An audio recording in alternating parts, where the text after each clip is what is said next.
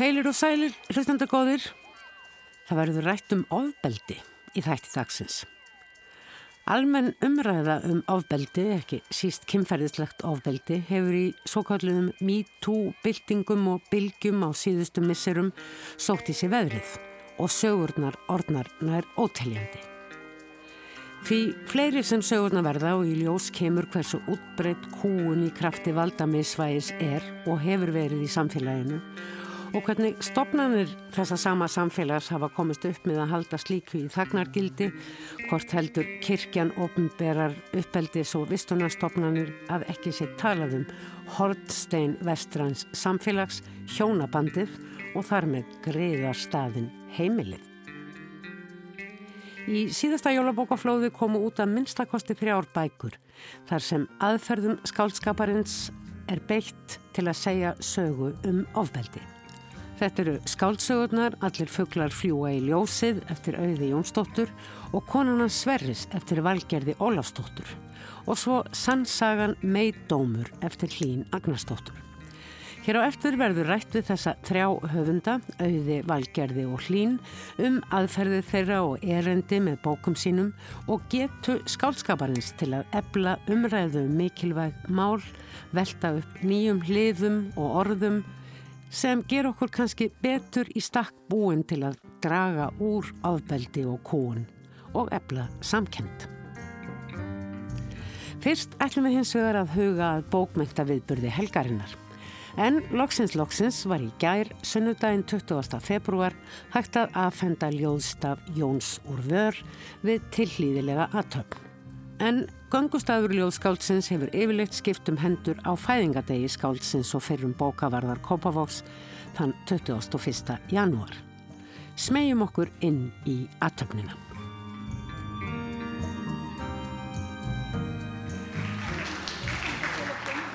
Ég er svo spenn. Þá er komið að fyrstu velunum Sigur ljóðinu. Sigurljóðið nefnist Þegar dagar aldrei dagar aldrei og höfundur er Brynja Hjálmsdóttir.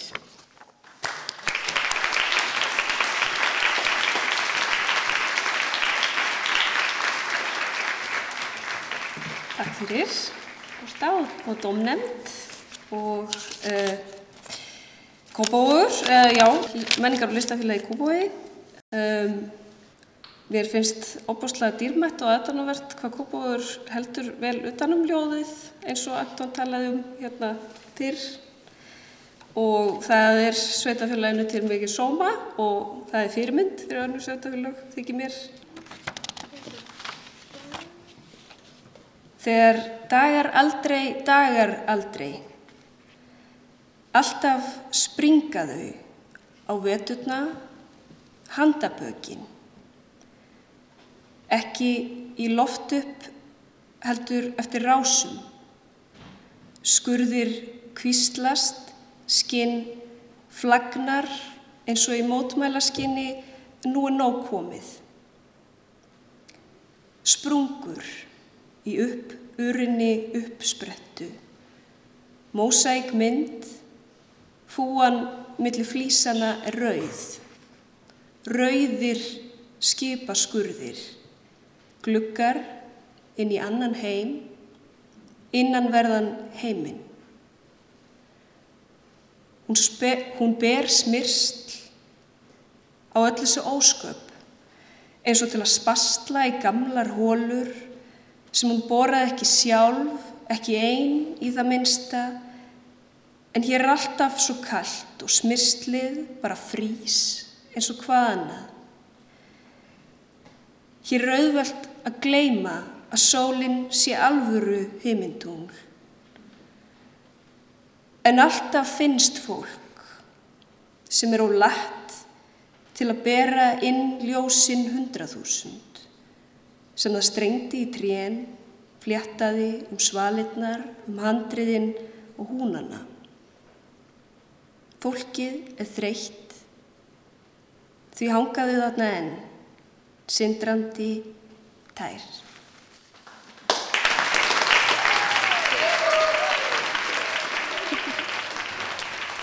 Brynja Hjálmsdóttir, nýr handhafi Ljóðstafs Jóns úr vör, hjartanlega til hamingu. Hvað getur þau sagt mér um þetta ljóð? Hvernig dættir í hug að gera sprungur í handarbaki að myndkverfingu fyrir heiminn allan, lífið sjálft? Já, sko, þetta, þetta er bara svona stundum þegar kannski eitt hlutur teimir mann á annan stað. Bara eins og í samtali eða þangagangi einhvern veginn. Þetta ljóð kom svona kannski eins og mörgónu ljóð í einhverju svona, kannski bara einhvers konar flæði og hérna, ég svona ég held ég hafi sótt það bara ég sótti það frá einhverjum stað og það kom, kom daldið svona sko að að það, það er ekkert öll ljóð sem ég skrifa sem er þannig mörg sko skrifa ég út margt og hendi út og svona en þetta kom kannski bara daldið svona eins og það eins og við sjáum það sko eða svona. Ljóðinni hafa nefnilega verið í þessum tveimur bókuðinum sem þú ert búin að senda frá þér. Uh, og frumann og uh, hvað hérna nú aftur rauðabókin? kona, lítur við. Eh, svona frásagnir oft svona svolítið sögur. En þetta er svo eh, hnitmiðað. Og þú snýrð við svona undir lokljóðsins að þá umhverfislega frá þessari stóru mynd og við erum bara skindilega stönd á þessum vetrardögun sem við erum að upplifa akkurat núna. Já, ummitt og, og hérna þetta er nú einmitt kannski bara aldrei síkilt minnum kannski ljósið í myrkrinu eða eitthvað slíkt mm. og hérna og núna er nú kannski að byrta til en, en þetta er já, ég hugsa að þetta sé náttúrulega kannski eitthvað stef sem að margir þekkja, skamdegið bara Jú, vissulega en myndin verður náttúrulega, eins og ég segi, hún verður svo hnittmiðuð anspænis þessari stóru mynd sem að reyndar hófst í mjög smættari eða smári mynd af handabæki. Já, nokkulega. Segðu mér, uh, þegar þú sást keppna auglista eða þegar þú varst búin að semja þetta ljóð, yrkjaða og hugsaði þetta er bara ansið gott hjá mér, uh, best ég sendi það í keppnina eða, eða fórst að yrkja eða leita upp í ljóð sem að gæti nú kannski verið gaman að nota til að taka þátt. Já, ég nefnilega lendi í þeirri stöðu sem kannski hafa fleiri lendið í núna því að það var öðruvísi skilafrestur held ég van, vanlega því ég hef nú alveg sendt hljóða áður inn í kemna og það hefur vanlega verið held ég mögulega í desember en núna var það held ég í nógumber þannig ég svona vaknaði smá upp í vonda drauma að skilafrestunum var að renna út og hérna og ég eitthvað, nú, ég var að finna eitthvað og svo, og svo fann ég þetta og, og, og, ég, og ég sendi það inn og það bara, bara lukkaðist svona vel. Þegar þú segir, ég verða að finna eitthvað, Já. þessi tilfinning, eh, Ljóðstafur Jónsson Vöð sem að nú er búið að aðfenda í gegnum 20 ár, meir og minna. Þetta er fyrir ykkur ljóðskáldin og kannski ekki síst fyrir ykkur sem eru svona byrja að setja ykkur, þú nú eiginlega bara komin á skáldabekk með tvær framúrskarandi bækur. Þetta er eitthvað stórt og mikilvægt og gaman að taka þátt. Já, algjörlega og því að ljóðið má alltaf við því að láta lifta sér og hampa sér svolítið og, hérna, og það er bara svo skemmtlegt að, hérna, að taka þáttið í og sjálfsögum mjög gaman að fá velun en, hérna, en finnst líka bara mikil stemning í kringum þessi velun og, og, hérna, og kringum þetta sem er náttúrulega orðið hálfgeitt bara svona festival, dagar ljósins, kópói og hérna, já, finnst það bara, já, mjög, mjög velmætt. Bestu þakkir Brynna Hjálmsdóttir og enn og aftur hjartanlega til hamingi. Takk kærlega fyrir. Anton Helgi Jónsson, þú hefur lengi fylst með ljóðstaf Jóns úr vör og svona hvernig svo ljóða viðurkenning hefur þróast. Þú hefur bæði fengið ljóðstafin í tvígang, ekki satt? Jú.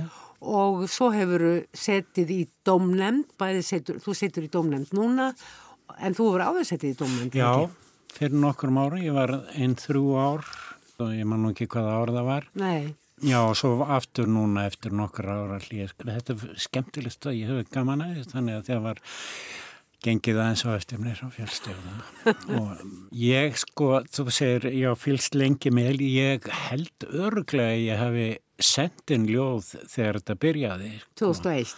Já, Jú og ég hef sendin ljóð og ekki fengið verðlaun og ég verð nú að segja það mér finnst svona fyrirbæri eins og uh, ljóstöður Jónsúfur svona að beita einu skáldi verðlaun fyrir fint ljóð sko.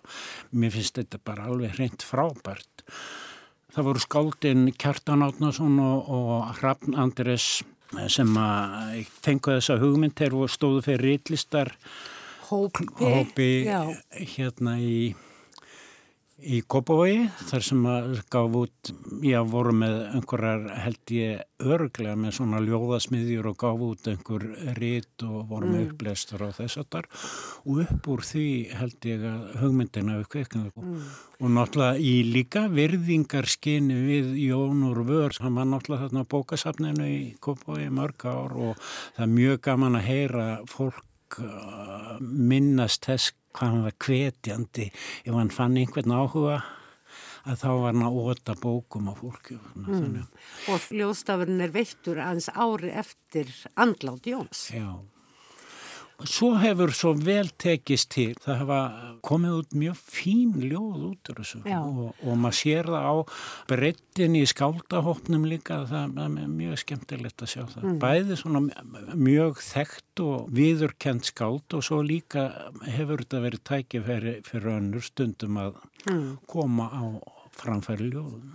Og svo hefur þetta verið vikað út, ég man ekki hvort það var uh, á tíu ára ammæli Ljóstafsins, nú eru liðin 20 ár frá því að það var veittur í fyrsta sinn, að þá var þetta vikað út og skólarnir dreiknir með inn og stopnað til svona ljóða, já, einhvers konar viðurkenningar, keppni, Já, í grunnskólanum. Grunnskólabarna. Já, og það er virkilega skemmtilegt. Það fennur svolítið eftir í hvernig dagskráin er í skólum þetta og þetta höstið, hvað gengur vel að, að koma þessu á. Það heiftur eru miklar. Já, en sum ár er það alveg ótrúlegt hvað kemur margt skemmtilegt út úr því og það mm. fer náttúrulega mikið eftir íslensku kennur hvað, hvað, hvort þeir hafa áhuga og hvernig þeir leggja verkefni fyrir krakkana en sum ár hefur verið alveg feikilega gaman að sjá útkomun á þessu. Mm. Nú er það þannig að uh, eitt skáld vinnur ljóðstafinn til eignar og afnota í eitt ár síðan fá tvö til viðbótar velun, það eru önnur og þriðju velun. Jú og síðan hljóta eh, nokkuð til viðbótar eh, viðurkenningu. Er það misjamt eftir því svona hversu góð ljóðin er sem berast? Sko það er engar sko mjög fastmóta reglur held ég með þessar viðurkenningar en það hefur verið gert í nokkur ár að nefna í viðurkenningaskinni auk þessara þryggja verðlunarljóða, önnur ljóð sem að hefði geta komið til greina og veita blóm, það hefur verið yfirleitt mjög vel tekið í það. Það er ótrúlega fjöldið sem tekur þátt í þessu reyndar sko, ég held að sko að meðaltanni séu eitthvað kringum 270 ljóð sem að koma inn í keppnina, inn í keppnina. mest eitthvað rúmlega 400 en ég held að það hefur aldrei farið niður fyrir 200 mm. og svo náttúrulega fyrir fólk sem að færi verðlun og fær ljóðstafinn þá getur þetta bara skipt heilmiklu máli að fá kastljósið á sig og, og, og skemmtilega aðtikli. En ég tekar þetta samt líka fólk sem að fær viðurkenningu það bara er stolt af því og mm. segir frá því. Og það er jafnvel, sko nú senda allir inn um til dölnefni og, og núna og hefur svo sem gerst áður að það er samanafni tvísvar, sama skáldið já. á bakvið mismunandi dölnefni. Já, já. Sigrun Björnstóttir núna? Það er, já, ég, hérna, í gegnum öll ár hefur það verið svona, já, alltaf öðru kóru. Sko. Það sem mér finnst skemmtilegast í þessu er bara þessi, þetta samfélaga einhvern veginn sem að myndast kringum þetta og og þó að sé alltaf, þetta er alltaf einstaklingur sem er ekki að ljóðið og fær velin og allt það sko, en að búa til þess að hópstemningu og hafa hátíð kring þetta, það finnst mér skemmtilegt. Mm. Hefur þið tekið eftir því svona þegar við setið í domnefndinu hvort að það sé einhver einn tematík svona meira ábyrrandi heldur en önnur? Nú er þetta ljóðið til dæmis velunarljóðið í ár eftir Brynju Hjálmstóttur. Það er mörguleiti mjög kundastlegt og passar vel inn í árstíðina akkurat núna. Já, vissulega En uh, maður tekur auðvitað eftir því eins og í ár er uh, ljóðin, í ljóðabunkanum í ár eru uh, önnur umfjöllunarefni að sumuleiti heldur um voru fyrir fimm árum síðan eða hveða, hvenna það var sem að ég var síðast sko. og það er auðvitað alltaf þannig að það sem er að gerast í, í samfélaginu það leitar leitar á hugi skáldan ekki síður en okkur hinn og, og þá sér maður svona tilneyingu mm. til þess að yrkja um það sem er áberandi eftir einu ljóði sem að fekk við kenningu, ljóði Draumegar Aradóttur, að það er fjallað um Sagt, greinilega um ofbeldi. Já, ég held að ég sé ekki að byrja út en eitt brúna þó ég segja það að það er, sko, það er mjög ábeirandi til dæmis í, í mörg ljóð sem að koma inn þannig í ár. Mm. en þannig ljóð voru ekki síðast þegar ég var í dómhemd en ég verð nú að segja sko það sem að er mér finnst skemmtilegt að sjá hvað er ótrúlega mikil fjölbreytni í, í því sem að kemur inn sko.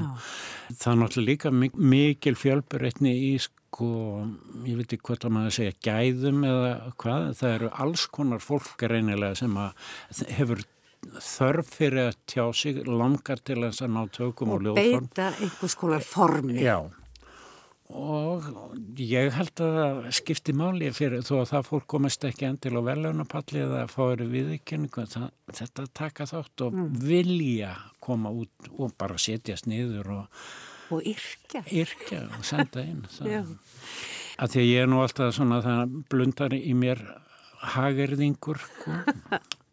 þá verð ég að segja það það kemur ofar, það er alltaf hverja ári kemur eitthvað eitthvað... Eitthvað dýrt kveðið?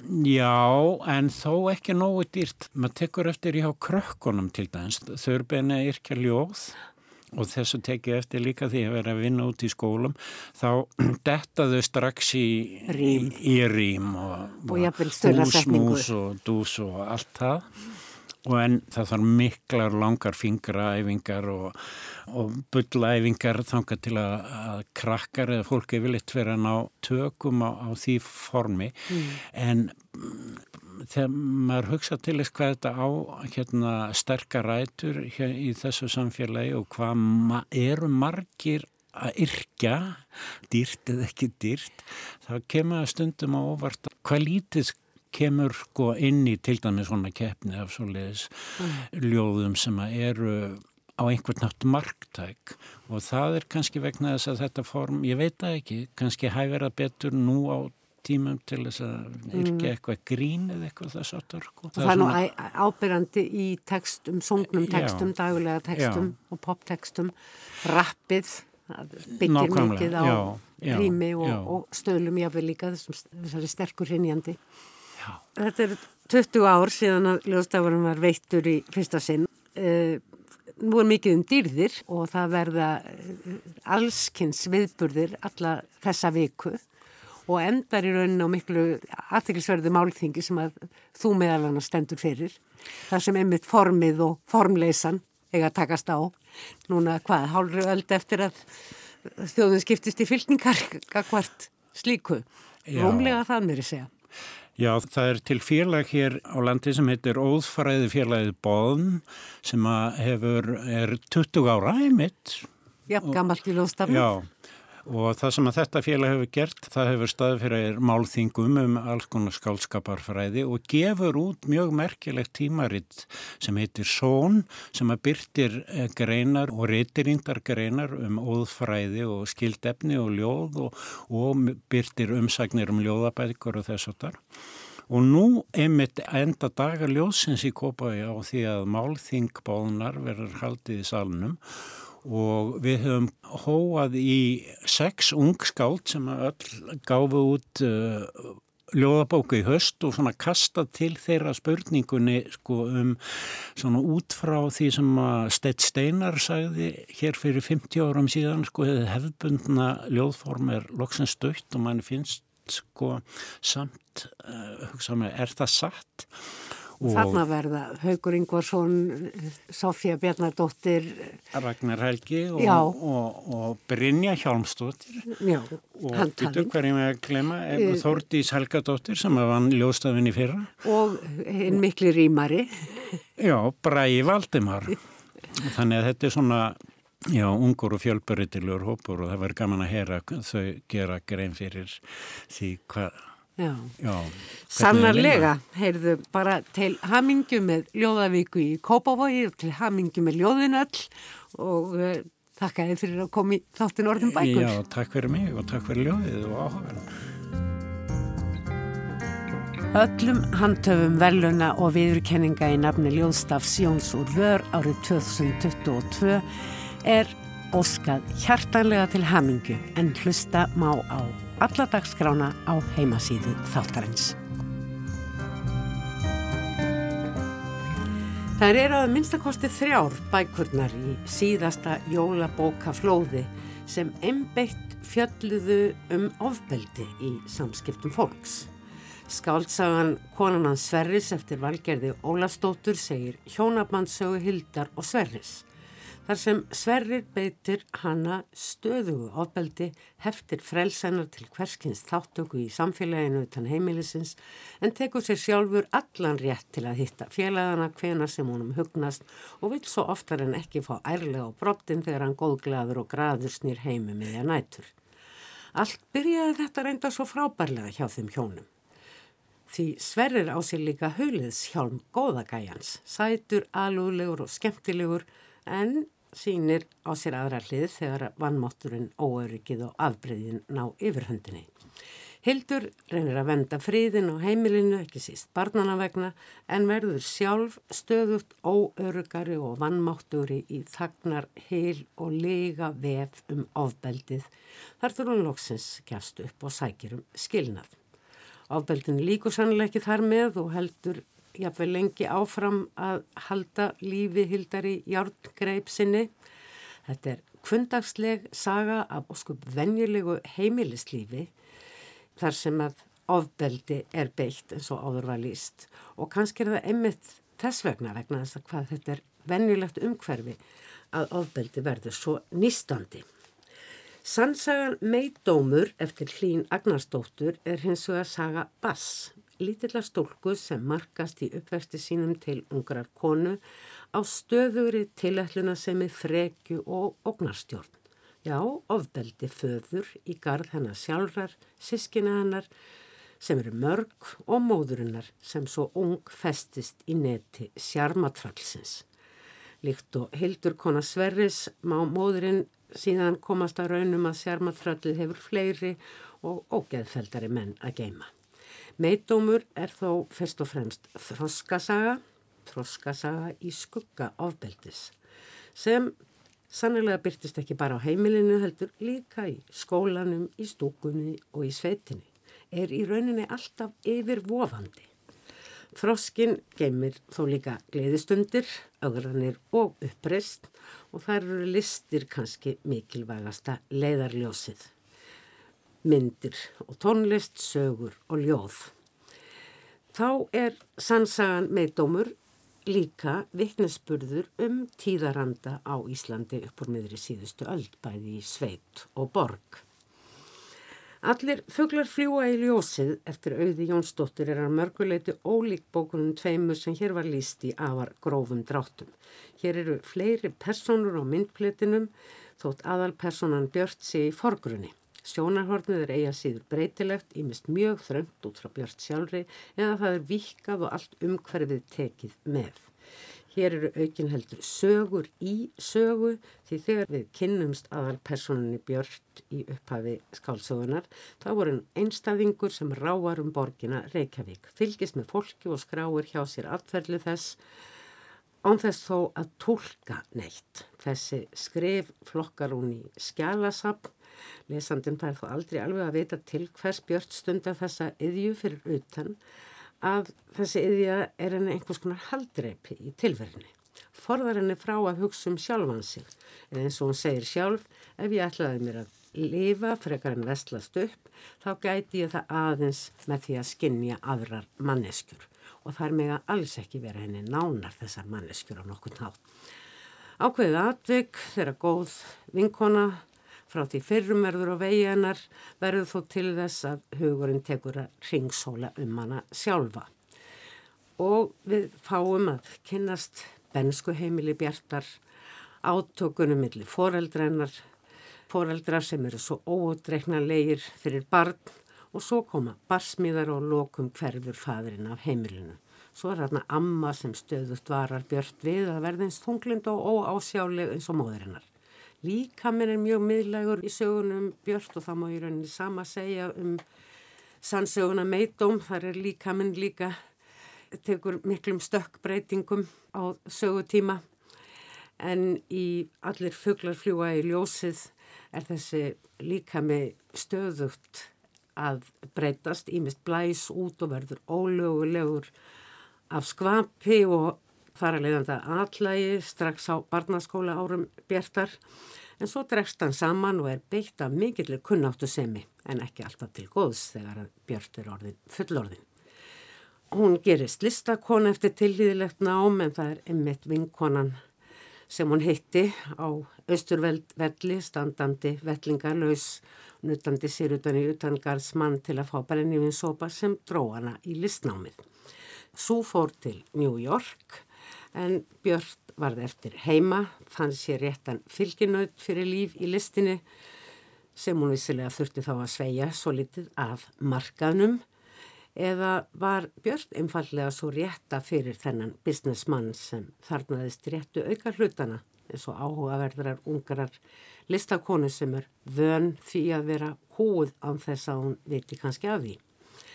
Líkt og hildi í konunans sverristekst Björn á endanum að komast út úr þessu sambandi en við tekum langt sleftu mér haldi mér samband bæði andlega og líkamlega allar tegundir ofbeldist með öðrum orðum og í raun að báða bóa. Í upphafi sögunar hýttir lesandin Björn eins og áður sagði orðna rávara í Reykjavík og kallar sig þeir. Hún býr í leiguhúsnaði þar sem leyendur, einstæðingar og ýmsum áttum leia sér sérherbergi og nýta eldhús saman og þar kjarnast kannski líf Bjartar endanlega í samskiptum sem ekki byggja á kúun. Eða það vonar allavega lesandin sem hér talar á þess að vera alveg viss. Þetta eru að mörguleiti átakanlegar og erfiðar bækur auður Jónsdóttir, Valgerður Ólastóttir og Hlín Agnarsdóttir. Velkomnar hér í þáttin orðum bækur til þess að ræða jafn alvarlegt mál eins og ofbeldi sem er ju mikið í umræðunni eins og stendur og ég vil nú vona að þessar ör samantektur á bókunum ykkar hafi ekki verið allrángar þó mikið vanti jú upp á því. Þetta eru jú miklar sögur sem þarna eru sagðar. En við ætlum að tala um ofbeldi og bókmentir, þessna kallaði ég ykkur hingað. Og það hefur verið mikil umræða um ofbeldi að undanförnu, alls konar ofbeldi gerendur og fornarlömb á hverju strái og hvorki spurt um stjætni stöðu eins og við veitum, ég líka, me too, voru það þessar aðstæður, þessi mikla umræða sem hefur svona á köplum bara alveg gósið upp og yfirtekið aðra umræðu sem að einhverju leti sór þessar bækur upp á yfirborðið. Hlín, þú varst nú búin að vera með þessa, þína bók í smíðum svo ofbáslega lengi já, já. og búin að skrifa meiri segja bók á þeim tíma 14 ár, þetta er langur tími. Já, já. Já, sko, ég myndi kannski vilja, ég vil ekki segja tala um gerendur og fórnalömp, ég vil tala um gerendur og þólendur. Já. Mér finnst það betra, fórnalamb er eitthvað svo gildislaðið. Sko, já, ég hérna e, get sagt það fyrir 14 árum þegar ég byrjaði að skrifa ekki þessa bók, held ég skrifaði ljóðabolk og það var svona útrás fyrir í raun og veru, ofbeldi, sem ég fannst ég alltaf vera að upp. Áhrif ofbeldi. Já, áhrif ofbeldi og líka ofbeldi sem ég hafði bara orðið fyrir, sko ekki bara í æsku heldur, það var alltaf að endur taka sér líka í alls konar samskiptum við fólk, mm. bæði við, við ástmenn og og eigi menn og, og elskuga, ég meina ég er, ég er kona sem hef lifað eh, mjög mikið einn, ég hef ekki alltaf verið í einhverjum samböndum og átt mín elskuga, þetta eiginlega spratt, þessi ljóðabálkur spratt upp úr e, e, slitum og einu svolítið sambandi mm. sem var með fullt á ofbildi og þá náttúrulega fór ég bara að spekulera mjög mikið í því hvaðan kemur þetta, af hverju endur tekur sér þetta munstur alltaf í mínu lífi? Og þá eh, eiginlega beindust sjónu mín er náttúrulega bara að uppbyldinu og, og þá sérstaklega uh, þessum föður sem var svo ótrúlega sterkur uh, uppalandi í mín tilviki strángur og, og mjög ósangjarn og ég hugsa bara með mér, ég lærði uppbyldinu að ég væri ekki þess virði að vera elskuð ég, mér fannst ég aldrei hafa sjens í einhverja stórkostlega flotta menn. Ég leitaði bara í daldi lélega menn, er bara að segja eins og er. Og, og því laug nú er bara ekkit fyrir, fyrir ég var orðin 60 þannig að það tók mig alla æfina átt að maður þessu, en svo skrifa ég sérst þennan ljóðabálk og svo bara geimi hann í smá tíma og svo fer ég að skrifa prósa í kringum þennan, þennan ljóðabálk og þetta tekur allan tíma og ég gerir margt í middeltíðinu auðvitað mm. en svo dreg ég þetta upp um púsið mínu fyrir svona já, þremur árum og, og fer að líta á þetta aftur og, og á lokum með, með líka aðstóri ítstjóra og svona mm. þá fellur þessi ljóðræni teksti, hann er bara feldur inn í prósan Já, verður bara hluti af flæðinu. Já, og hann er í raun og veru, kannski má segja þessi ljóðræni teksti sé lýsi best þessari um, þessum, þessum uh, sko uh, þessu hreina uh, ofbeldi sem að var ekkit endilega bara líkamlegt heldur fyrst og fremst andlegt og tilfinningalegt. Það sem mm. var gert lítið úr mér og sískinu mínu sem börnum. Þið hinnar auður og, og valgerður verða þessar bækur til í, í hugun og andspænis þessum aðstæðum sem við erum að upplifa við erum taldið að læra að tala um húun og ofbeldi, gerendur og þólendur, átt okkur á myndinni, ekki bara einhverjum andstæðum. Já. Þú sem sálfræðingur þekkir mæntilega slíka sögur og þessi minnstur sem hlýn myndist á. Já, jú, ég efast ekki um að, að hérna, að sagan mín hafi sprottið úr þessari skriðu sem er núna í gangi þó ég hef kannski ekki verið meðvitið um það að þetta hafi verið mér hugleikið uh, en það eru þetta bara mikil skriða sem að einhvern veginn hlýtur að hrífa mann með sér. Eða en, finnast að maður þurfa að taka eitthvað já, saman og, og skýra já. með einhverjum öðrum hætti en stöttri færslu. Já, já. En mér fannst bara mig langaði að einhvern veginn búa til verk eða búa til sögu sem að útskýri þetta óútskýranlega sem að ég gati ekki náðu utanum sem er, eru þessi ofbeldisfullu samskipti í þessum allra nánustu samböndum. Millir þeirra sem þykir í grunninn vænt hverju mannar. Já, í þessu viðkvæmasta viðkvæma sko mm. og jú eflaust umræðan öll og kannski líka bara margt annað í samfélaginu, hvað mér var það bara friðurinn í hérna samkominn takmörkunum og svona geta náð huganum utanum þetta sem er svo flókið.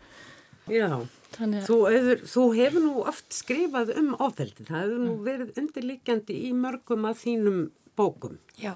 Fólkið í kjallaranum, uh, ósjálfrátt, treyðapantur, það er Já. líka mikið ofbeldi. Og stóri skjált er náttúrulega mjög mikil svona stúdja eftirkostum ofbeldis Já. á fullorins árum. Einmitt. En mér finnst þessi bók svolítið óvinnileg uh, í þessu galleríi.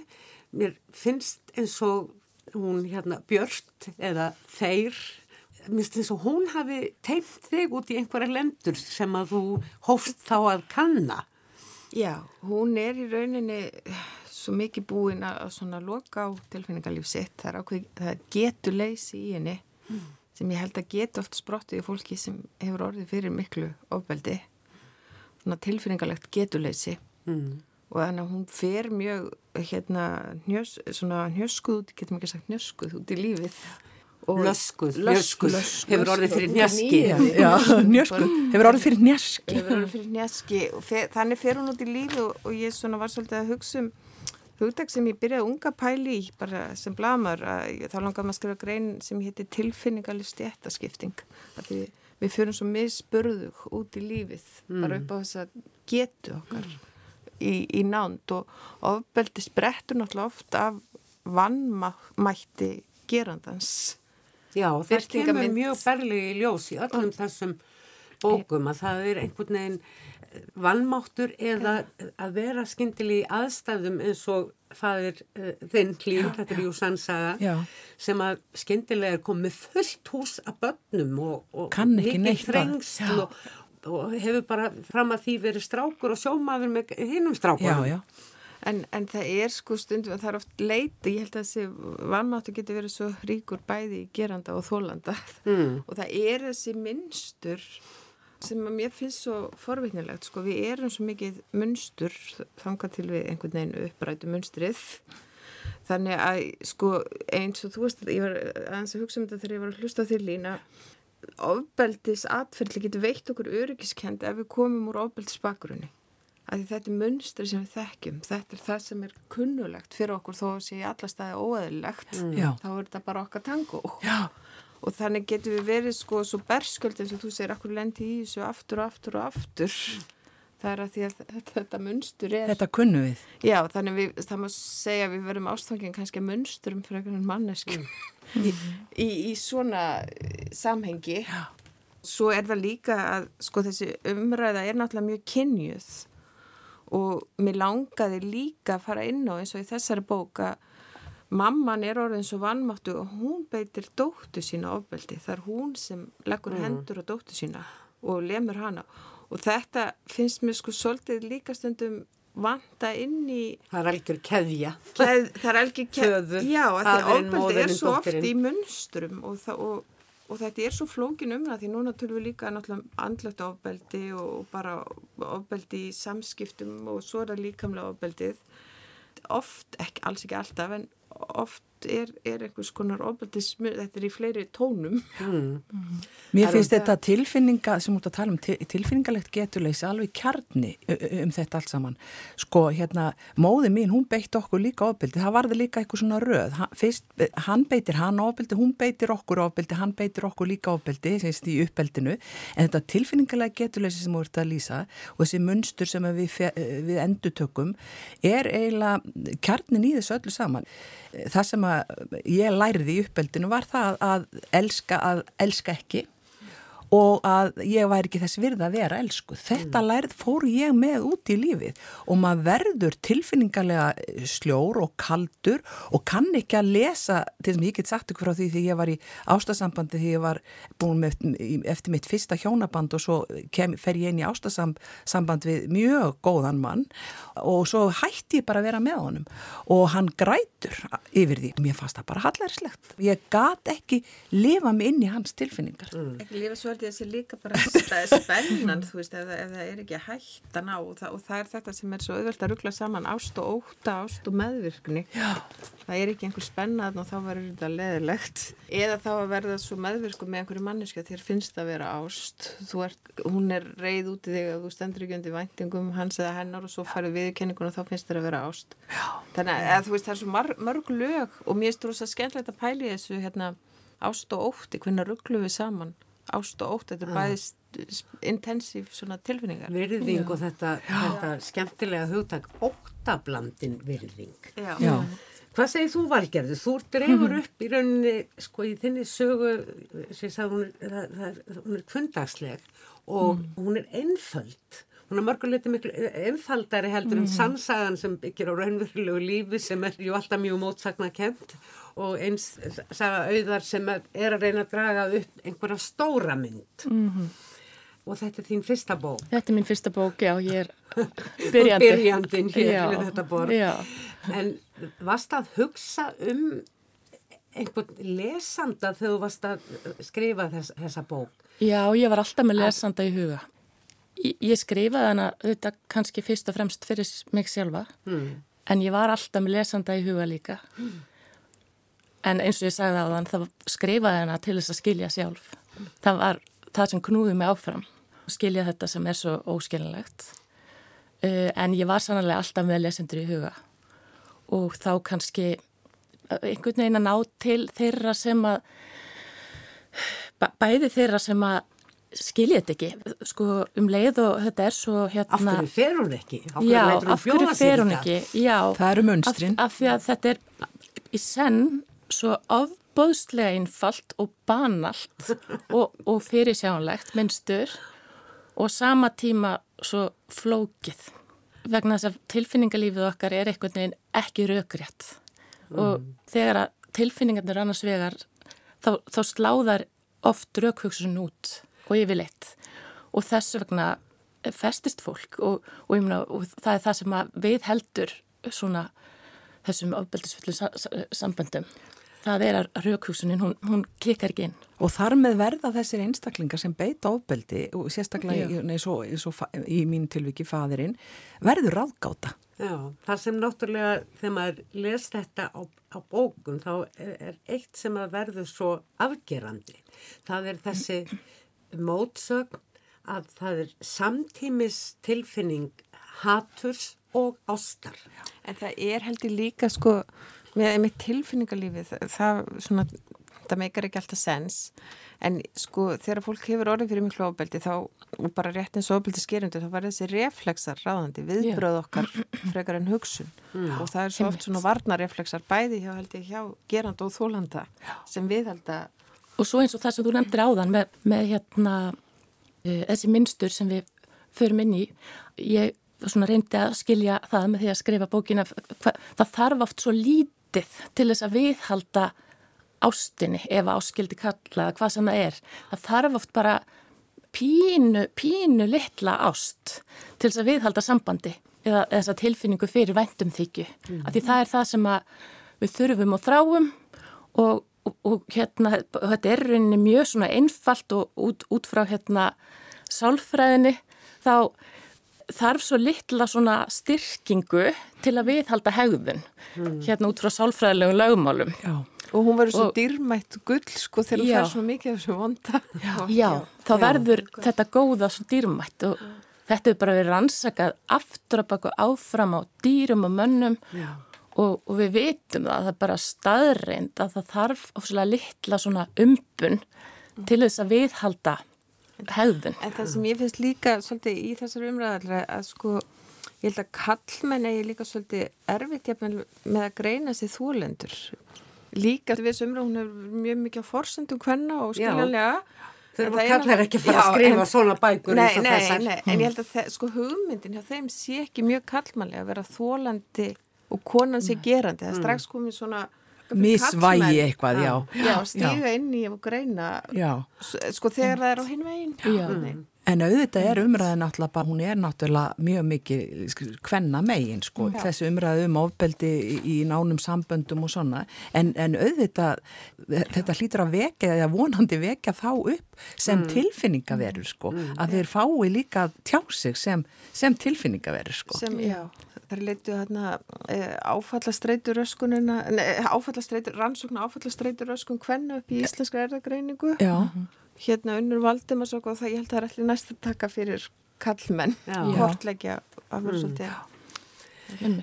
En svona þegar þið voruð að skrifa og sökva ykkur inn í þennan mjög svo mótsagnakenda heim því að í öllum tilveikum er, eru aðalpersonunar líka fullar af sko aðdáun og ást á upphafi pínu sinnar.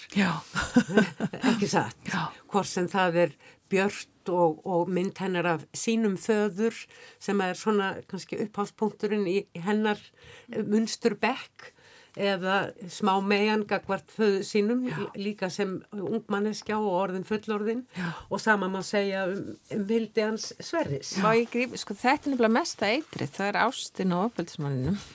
það, það er bara þetta sem við erum að tala um, að þú þú elskar einhvern sem beitir í ofbeldi hvort sem það er foreldri eða maki eða vinnur mm. þess vegna er svo erfitt, ef þetta væri bara eða væri enga tilfinningar og manneska væri bara fullkomna þá myndir bara fara. Já, já, þannig... en, en þannig kom við inn á þess að flóknu gerenda með þér.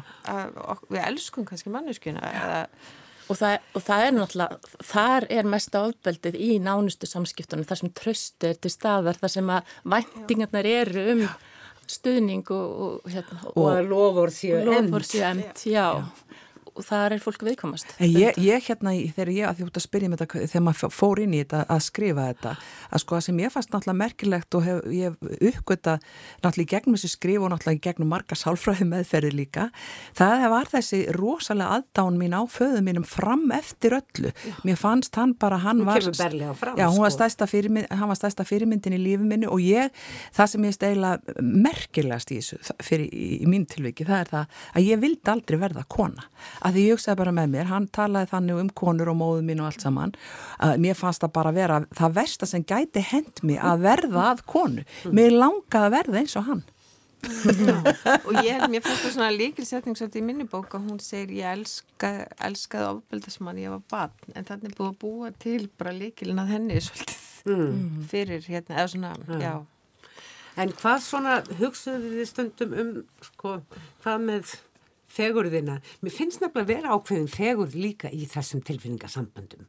Eh, Kanski má ekki segja það því þetta er svo anstíkilegt en það eru líka tærar tilfinningar Jú, sko, á alla bóa. Ef ég má bara taka upp þráðan aftur um þetta alls saman sko, uh, auðvitað í, minni, mín tilviki þá er ég að lýsa fyrstu 16 árum æfi minnar aðalega. Mm og, og hvernig það var að, að verða að, um, um, konu í raun og veru eftir allt saman, þá varði ég að konu.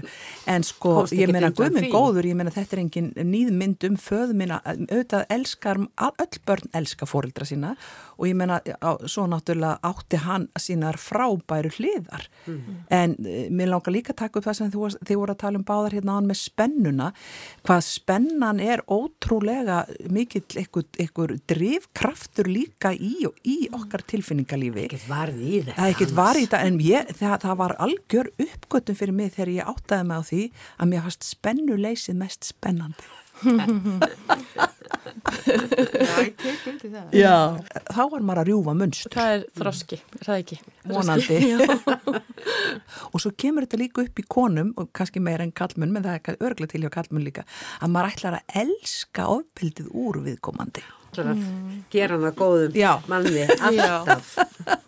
alltaf. En það er það nú stundum þannig að þeir sem að beita ofbildinu, þeir segja þú gerir mig að betri manni. Ég held að það sé klassisk setning. Ég hef heyrt hana. Já.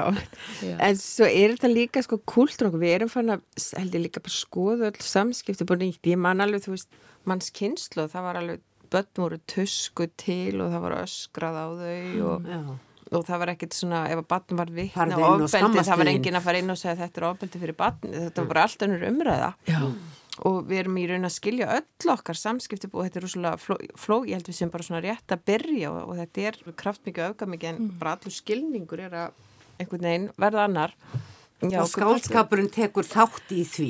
Hann er svo góður til að fara inn á þessi gráu svæði og einmitt skrifa Nákvæmlega. til að skilja og Já. hérna fara svolítið ábyrðalust áfram sem er ekki hægt í, í hérna kannski umræðinu svona í grein og, og fræðilegum skrif Já En ég tek alveg undir það sem Valgjörður að segja sko maður fær bara það er, maður skrifar til þess að reyna að skilja ekki bara sjálf á sig heldur líka sína nánust og bara umhverfið og þjóðfélag og það, það er náttúrulega skaldskapurinn alveg ofbóslega og skrif alveg ofbóslega mikilvæg. Mm -hmm.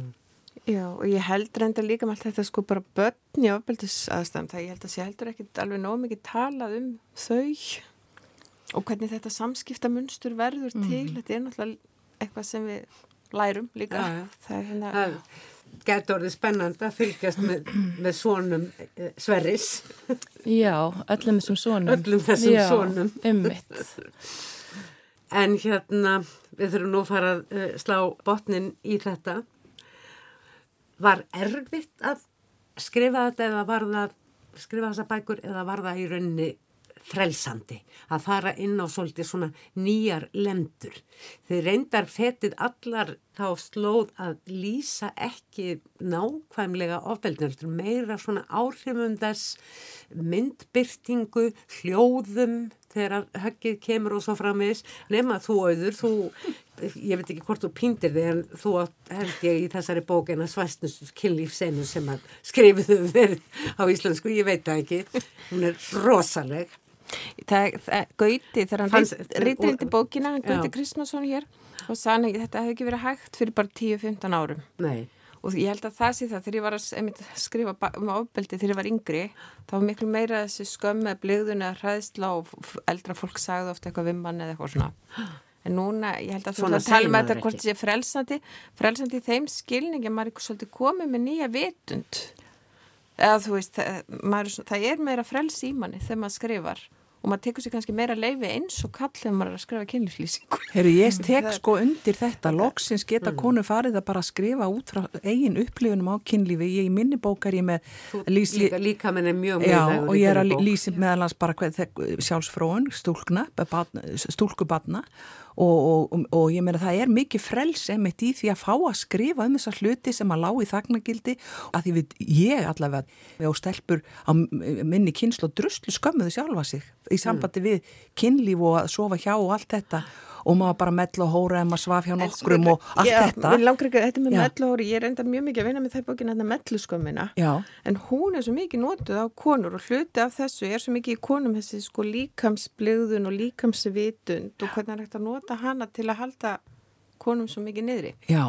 Og þess vegna held ég sér rosa gott þegar konur að skrifa rosalega hræðilega kynlífslýsing Já, já, já, já. Hérna. efni í næstu skálsögu sálfræðsins Já, mér finnst ég líka hafa farið inn í þetta í minni, sko, þannig ég og tala um það sem einhvern veginn enginn talar um, mér, það var mark með að skrifa lýsingu á hmm.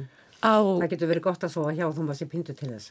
Já, og bara þessar, blend, þessar blendnu tilfinningar sem að eru í þessum flóknu samböndum og, og, og fólk verður svo ringlað og rugglað og hérna og einhvers konar nögun í, í hjónabandi sem að hérna samt einhvern veginn við komum þetta átt að segja ekki á að nögun sko. Já, líka þegar maður er farið hérna bara að nöga sjálfun sér. Já, þetta er náttúrulega bara, já, og mér finnst það líka svo hérna, sjálfsnögun. Akkurat sjálfsnögun, já. við erum eiginlega ekkert farnar, við erum ekki komnar þanga sko, þannig að mér finnst það svona viðbröðin við minni bók hafa verið sko, hafa komið alltaf óvart, Aha. af því að uh, Mér finnst sko viðbröðin mjög, þau hafa verið mjög sterk, ég fengi opaslega mikið af skilabóðum og alls konar hérna, viðbröðin frá fólki og, og eins og náttúrulega umfjöllun.